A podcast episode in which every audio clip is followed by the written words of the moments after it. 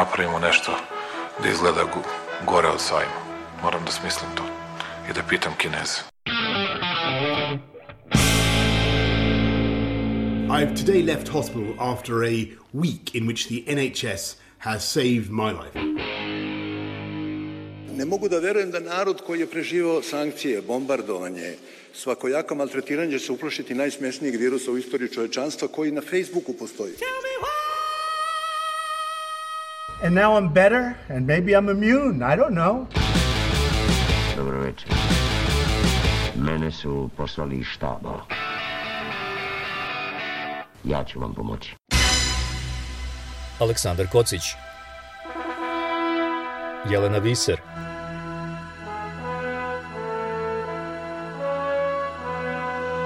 Radio Karantin Hronika istorije u nastajanju Dobrobit i zdravlje sobstvene dece često je istovremeno i najveći pokretač na delovanje i izvor strepnji i preispitivanja. Želite deci da date krila i usmerite ih ka beskrenom horizontu mogućnosti, ali se iznojite uz pomisao da će se, kada se oprlje, dobro tresnuti o zemlju i kako im te padove blažiti, naučite ih da se svaki put manje razlupaju i brže podignu. I tako svakodnevno, od izbora dijete, izbora obrazovnih sadržaja i dodatnih kulturnih i društvenih aktivnosti, pa ako ste recimo kao ja, silno se upinjete da im se ne mešate u muzički ukus i sve do odluka koje imaju kratkotrajnih i dugoročnih posledica po njihovo zdravlje. Evo nas uveliko krckamo treću pandemijsku godinu i da, došlo je vreme da odlučujemo o vakcinaciji koja je nedavno odobrena i za naše bebane mlađe od 12 godina. Dobrodošli u novi radio karantin. Moje ime je Jelena Fiser i u narednih pola sata o tome zašto mnogi roditelji oklevaju da vakcinišu svoju decu, a zašto za roditelje poput mog supruga i mene nije bilo dileme u vezi sa tim da naš sin bude vakcinisan protiv covid -a.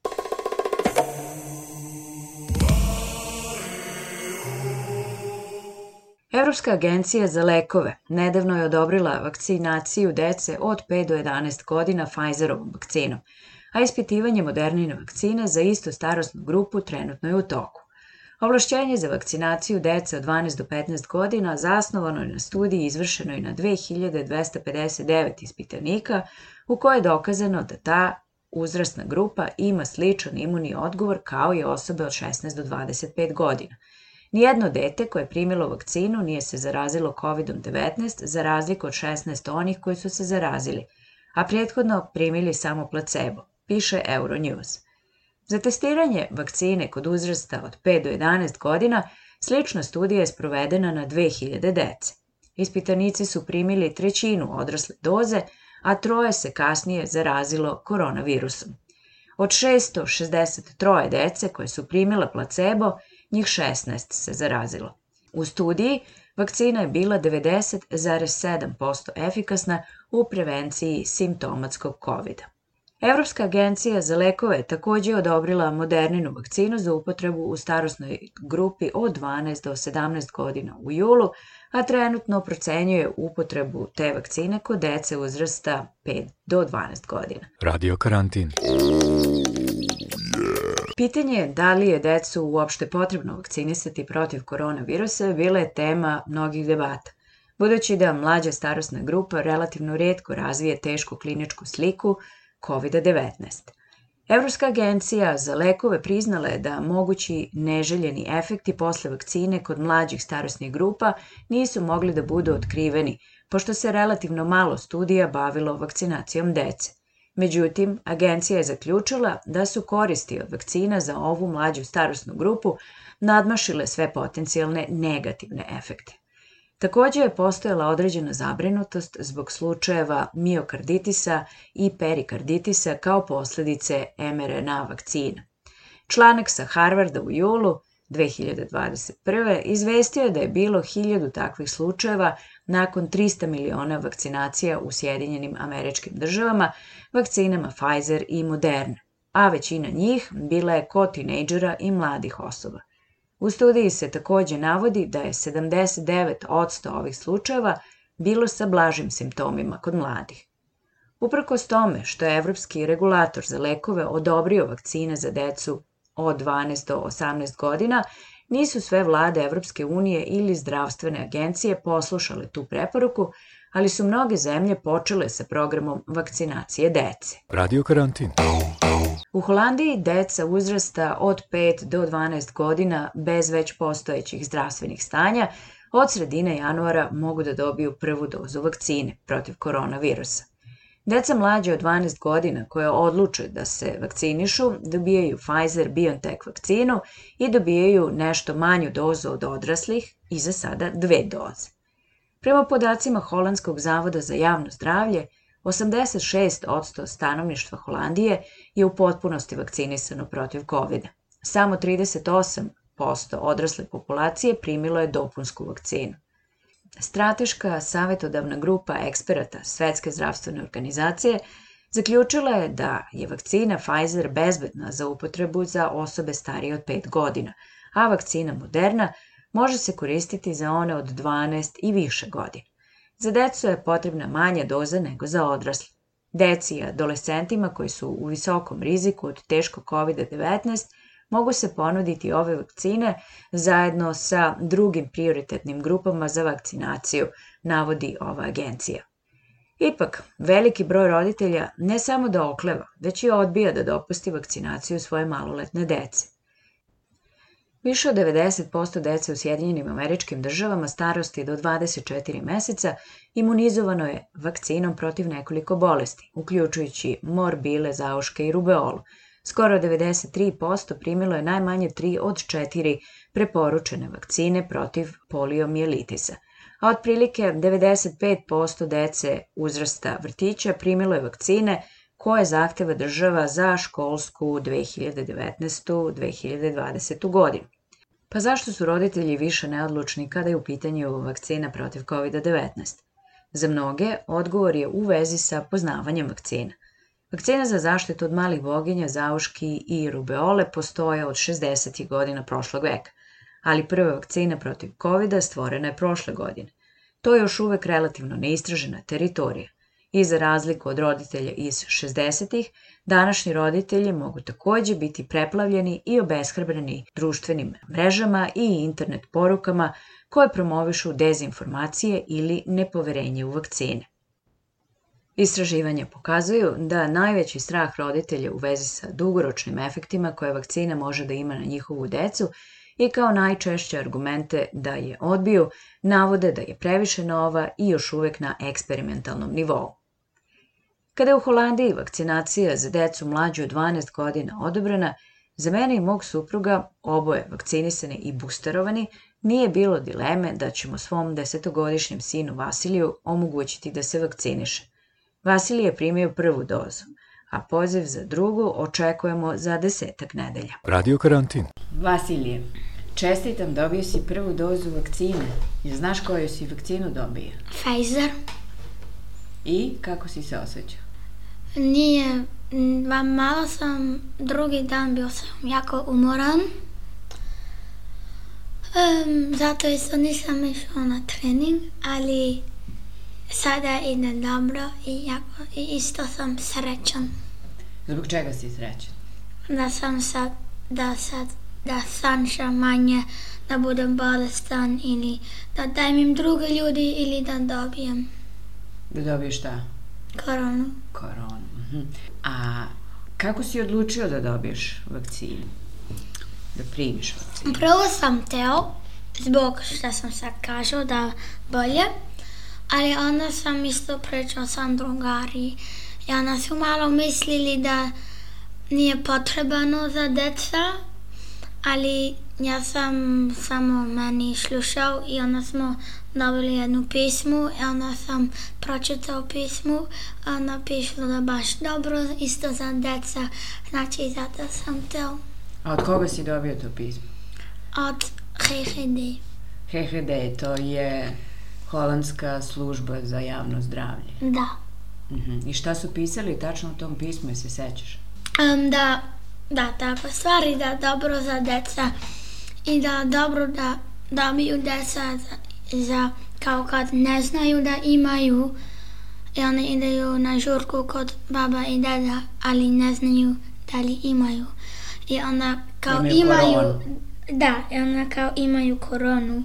I onda kao da imaju baba i deda koronu. I onda imaju babu i dedu isto koronu. Ali onda ne zna sam da imaš koronu. Mhm, Znači, ako sam dobro shvatila, ti si hteo da zaštitiš sebe i da I za- druge ljudi. i druge ljude. A jeste pričali o vakcinaciji u školi? Sa Da, jako puno, ali puno od mojih drugari hoću isto vakcin, vakcinaciju, Mhm. ali oni um, još ne smaju zato što su imali koronu već. Mhm. Um, I onda, da, ona još ne sme u Holandiji. Da, i puno pričamo oko vakcinacije. I već mislim par deca u razred vakcin, imaju vakcinaciju. A koliko dece u, u razredu tvom je vakcinisano već? A to ne znam, ali mislim nešto um, dva i onda ja znači ukupno tri. Ukupno troje od 30 dece. Koliko u razredu? 28. 28 sada. Mhm. Ok. A reci mi, jeste pričali sa nastavnicima o tome? Jesu učitelji zapravo pričali nešto u vezi sa vakcinom? Ste dobijali neke savete od njih da se vakcinišete ili da se ne vakcinišete? Mm, Ne, to ne, ali isto mislim da to pametno. Zato što su par antivakseri, mama i tata od, od deca iz razreda. Ono malo čudno da se kaže da, um, da čudno da kaže učitelji da, da treba da se uzme zato što je dobro. I onda kao to onda ne misliju te ljudi koji neću da uzmiju vakcinaciju. Mhm. Misliš da učitelji nisu hteli da preporučuju da se neko vakciniše ili ne To ne znam, ali mislim da, da je to, zato što malo čudno da se to kaže prema ljudi koji neću vakcinaciju. Zato što ne veruju. A šta ti misliš o tome što drugi ljudi ne veruju da je vakcina dobra? Malo mi čudno, ali da, šta oni misliju, oni misliju. To je njihova stvar. Da, A reci, ali oni sami znaju da to nije dobro za njih i za druge ljudi. jel misliš da znaju? Da, ali mislim da neće zato što misle da nije tako strašno. A reci mi, u jednom trenutku si se bio predomislio. Tata i ja smo razgovarali s tobom i onda si ti nama rekao kako misliš da bi možda mogao da sačekaš malo pre nego što dobiješ vakcinu. Da. I mi smo mislili da si se ti možda predomislio u vezi sa vakcinom. Da, to... Zbog čega zato- je to bilo? Zato što sam isto zna.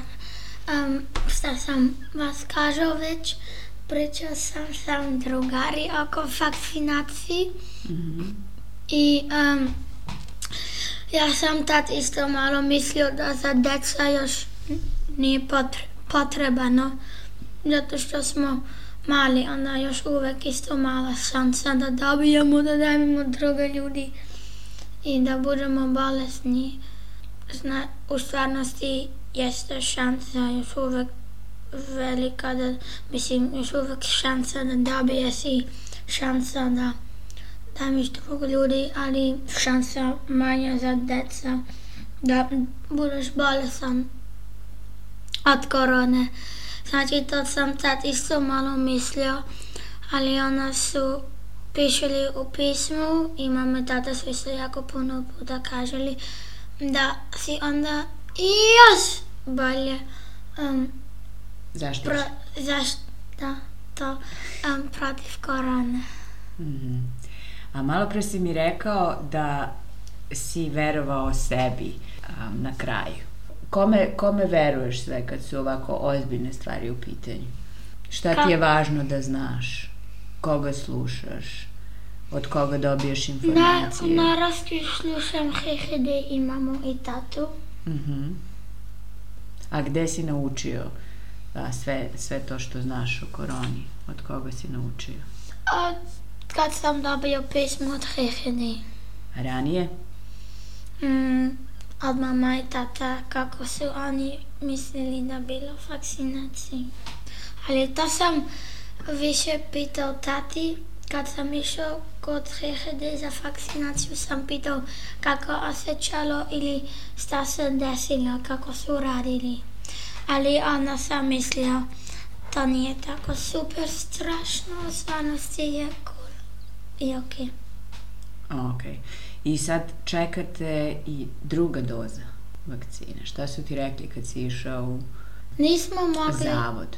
nismo mogli, tata nije uspela da možemo taj dan odmah drugu, um, Da zakažete termin. da, za fa- drugu vakcinaciju, ali mislim da smo sada um, se dogovorili sam Hihde i da ona smijem drugu vakcinaciju i to ja isto hoću. Zato što da, da bude još više isto kad sam imao prošle nedelje. Ali još uvek hoću onda malo više. Da budeš zaštićeniji. Da. Ok. A reci mi, um, kad pričaš sa drugarima, um, eto samo troje drugara iz tvog razreda je dobilo vakcina, vakcinu do sada. Ne, ne drugari, ali deca. Deca. Ok. Znači, troje dece u tvom razredu je dobilo vakcinu. Da. I um, šta su ti ostali koji, recimo, ne razmišljaju još da dobiju vakcinu? Ako sam ja dobro shvatila, nekoliko tvojih drugara ti je reklo da a, je možda rano i da nije potrebno da ti... Da, to su Dobiješ. puno moji drugari kaželi i to sam ja u početak isto mislila.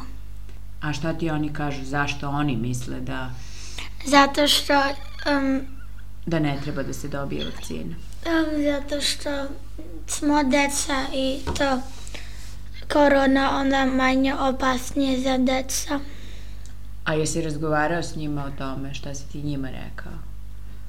Da, kažao sam šta sam ranije u epizodu kažao.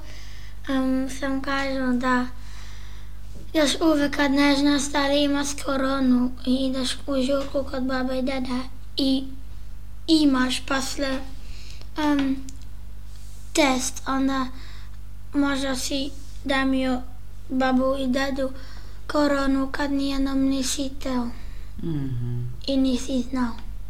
Ali onda i drugari su kažili da, ali onda možeš da radiš test pre nego to radiš i druga stvari, ali ja još uvek meni još uvek ne liči na da to dobra ideja. A malo pre si mi rekao da ti je malo čudno to što ljudi misle da vakcina nije dobra i da ne treba da se vakcinišu. A, je li tebi to važno sada a, kad razmišljaš o svojim drugarima i kad znaš da neki hoće da se vakcinišu, neki neće da se vakcinišu, kažeš da, da neki drugari tvoji imaju mama i tate koji su antivakseri, Šta ti misliš o tome? Da li je tebi to važno za drugarstvo? Da li se neko vakcinisao ili Da, se nije meni vakcinisao? nije tako strašno kad su mama i tata dobri drugari antivakser, ali isto mi nije strašno da kad oni neću vakser, ali da mi još uvek budeju drugari, to mi je najvažnije. Ok, bravo. Šta ti je važno sada? Čemu se raduješ kad razmišljaš o tome da ako svi budemo dobili vakcine i ako pandemija a, se bude završila, čemu se najviše raduješ? Onda kad se to desi, onda se jako radujem da mogu svak, da mogu još više da radim. Onda smijemo da idemo lače na futbalski meč, možemo lače da idemo u prodavnice, možemo lače da um, idemo u restoran, možemo lače da, da radimo stvari što smo ranije radili da se ništa desilo i Da bude bezbednije, misliš? da, to mi je udobno. Ali to mislim isto udobno za sve ljudi, ali to isto mislim isto udobno za antivakseri, ali Onda kažu da hoću da ne postoji korona, ali kad oni dobiju vakcinaciju, ona isto opet manja šansa da bude korona još veće, zato što ona imaju vakcinaciju. Zato isto hoću da sve ljudi na svetu dobiju vakcinaciju, da li imaju puno parice, male parice, um, um, iz Holandije, iz Indije, sve ljudi, kažem, sve ljudi smiju vakcinaciju. Svi ljudi bi trebalo da imaju vakci- vakcinu. Da. da dobiju vakcinu. To bi bilo najprevednije Da. i najbolje rešenje.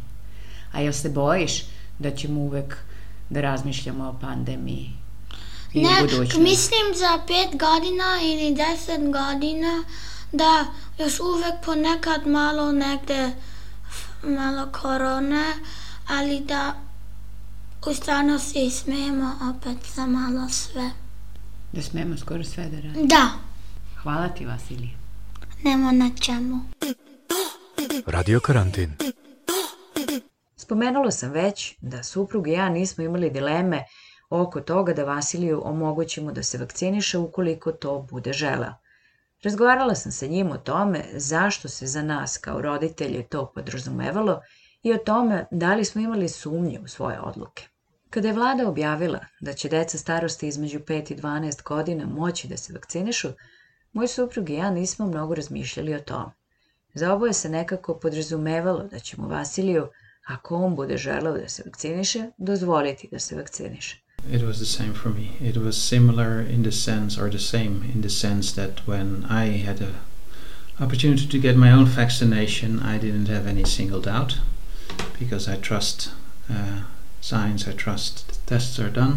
Ronald kaže da inače veruje nauci, veruje da je vakcina bezbedna i da, isto kao što je bespogovorno želeo i sam da se vakciniše, jednako je verovao da je to dobra odluka i za njegovo, odnosno naše dete. Vakcina za decu u ovom uzrastu je odobrena u celoj Evropskoj uniji. Međutim, Švedska, recimo, nedavno je objavila da oni neće aktivno podržavati, odnosno pozivati ljude da svoju decu vakcinišu. Ova vest se za mene istog trenutka zakačila i moram da priznam da par trenutaka nisam bila sigurna da li se zakačila kao informacija ili crv sumnje. To be really honest, I didn't know this, um, but no, I would be curious to know why they made a different recommendation than, uh, as far as I know, most or all other European countries. Ronald kaže da ga ovakav stav švedske vlade nije poljuljao u uverenju da je odluka da se naš sin vakciniše dobra. Vasilije se i sam u jednom trenutku predomislio u svojoj odluci. Ispostavilo se da je razgovarao sa svojim drugarima i da roditelji, neki od njih, ne podržavaju ideju da se i deca vakcinišu. Iako su sami vakcinisani, a nekolicina njih je i potpuno protiv vakcinacije. Ronald i ja razgovaramo povremeno o tome kako se osjećamo u vezi sa tim što su neki ljudi u našem najbližem okruženju protivnici vakcinacije, tako sam ih ja nazvala. Ronald je bio direktniji i nazvao ih antivakserima. Yeah, I think I've, I, I do feel different when it comes to adults and to children. When it comes to adults who consciously don't get vaccinated, it still makes me quite angry actually, uh, despite that the outlook is looking a little bit better now with the Omicron. On kaže da se različito osjeća u odnosu na to da li su u pitanju deca ili odrasli. Kaže da ga ljuti to što odrasli odbijaju da se vakcinišu iz nekih takozvanih ličnih ubeđenja i da je to manjina koja većinu drži kao taoce. Zemlja je bila u lockdownu mnogo duže nego što je morala i to zbog ovih 10-15% koji odbijaju da se vakcinišu. Kada su deca u pitanju, argument koji sam čuo i od Vasilija je da deca oboljevaju u znatno manjem broju i sa daleko blažim simptomima od odraslih, što je tačno i da im zato vakcinacija nije potrebna. U isto vrijeme, kada je dete vakcinisano, dodatno se smanjuje šansa da se ono razboli i da nekom drugom prenese zarazu. Kaže Ronald i dodaje da je srećan što je Vasilije na kraju odlučio da se vakciniše. The fact that we have people in our surroundings, fortunately not many, but that we know some people who are anti-vaxxers or who don't want to get vaccinated or have all kinds of reasons not to be vaccinated. Teško mu je da prihvati argumenta antivaksera i da sa ljudima koji odbijaju da se vakcinišu uspostavi komunikaciju i uspostavi odnos. Vasilijevi argumenti da se na kraju odluči da se vakciniše su detaljni i oboje smo zapravo ponosni na to kako je doneo ovu odluku. Radio karantin. Nedavno smo imali situaciju da je Vasilije trebalo da spava kod druga i pre toga saznali smo da je partner jednog od roditelja otvoreni antivakser i da se i sam roditelj na kraju nije vakcinisao. Naravno, imamo u vidu da deca biraju prijateljstvo iznad svega, da je ono u granicama nekog zdravog razuma ono što im je najvažnije i to je okej. Okay. Ali kako kao odrasli balansiramo između toga da detetu omogućimo da se neopterećeno druži sa svojim prijateljima i onih odraslih argumenta šta je bezbedno i koliko možemo da dopustimo da neko svojim stavovima i odlukama da nešto uradi ili ne uradi, potencijalno ugrožava naše zdravlje. But he's a healthy boy, his risks are still very small. Um, and ultimately, of course, it's his friend, and that's also important. I mean, it's not... Uh... Ronald kaže da srećom Vasilije nema zdravstvenih problema i da mu je zbog toga lako da ga pusti da prespava kod druga. Deca su tokom ove pandemije i onako već uskraćena za mnoge stvari i ne možemo baš sve da im ograničimo. So I think, I mean, this is a balance, um, and I don't know exactly where the, the tipping point is, but in this case, I think we... Uh... Ne znam gde je granica, kaže Ronald, ali sam siguran da u slučaju da Vasilije ima zdravstvenih problema, moja odluka, naša odluka bi bila drugačija. Radio karantin. Bio je ovo još jedan radio karantin. Pratite nas i na Twitteru i Facebooku i podržite naš rad jednokratnom ili mesečnom donacijom preko Patreona i Paypala. Sve o tome imate i na našem web sajtu radiokarantin.eu. U sledećoj epizodi bavimo se time kako su naučnici, lekari i medicinski radnici, naročito oni koji apeluju na građane da se vakcinišu, stigli od aplauza do pretnji po ličnu bezbednost. Budite dobro. Veliki pozdrav iz Utrehta. Aleksandar Kocić. Jelena Viser.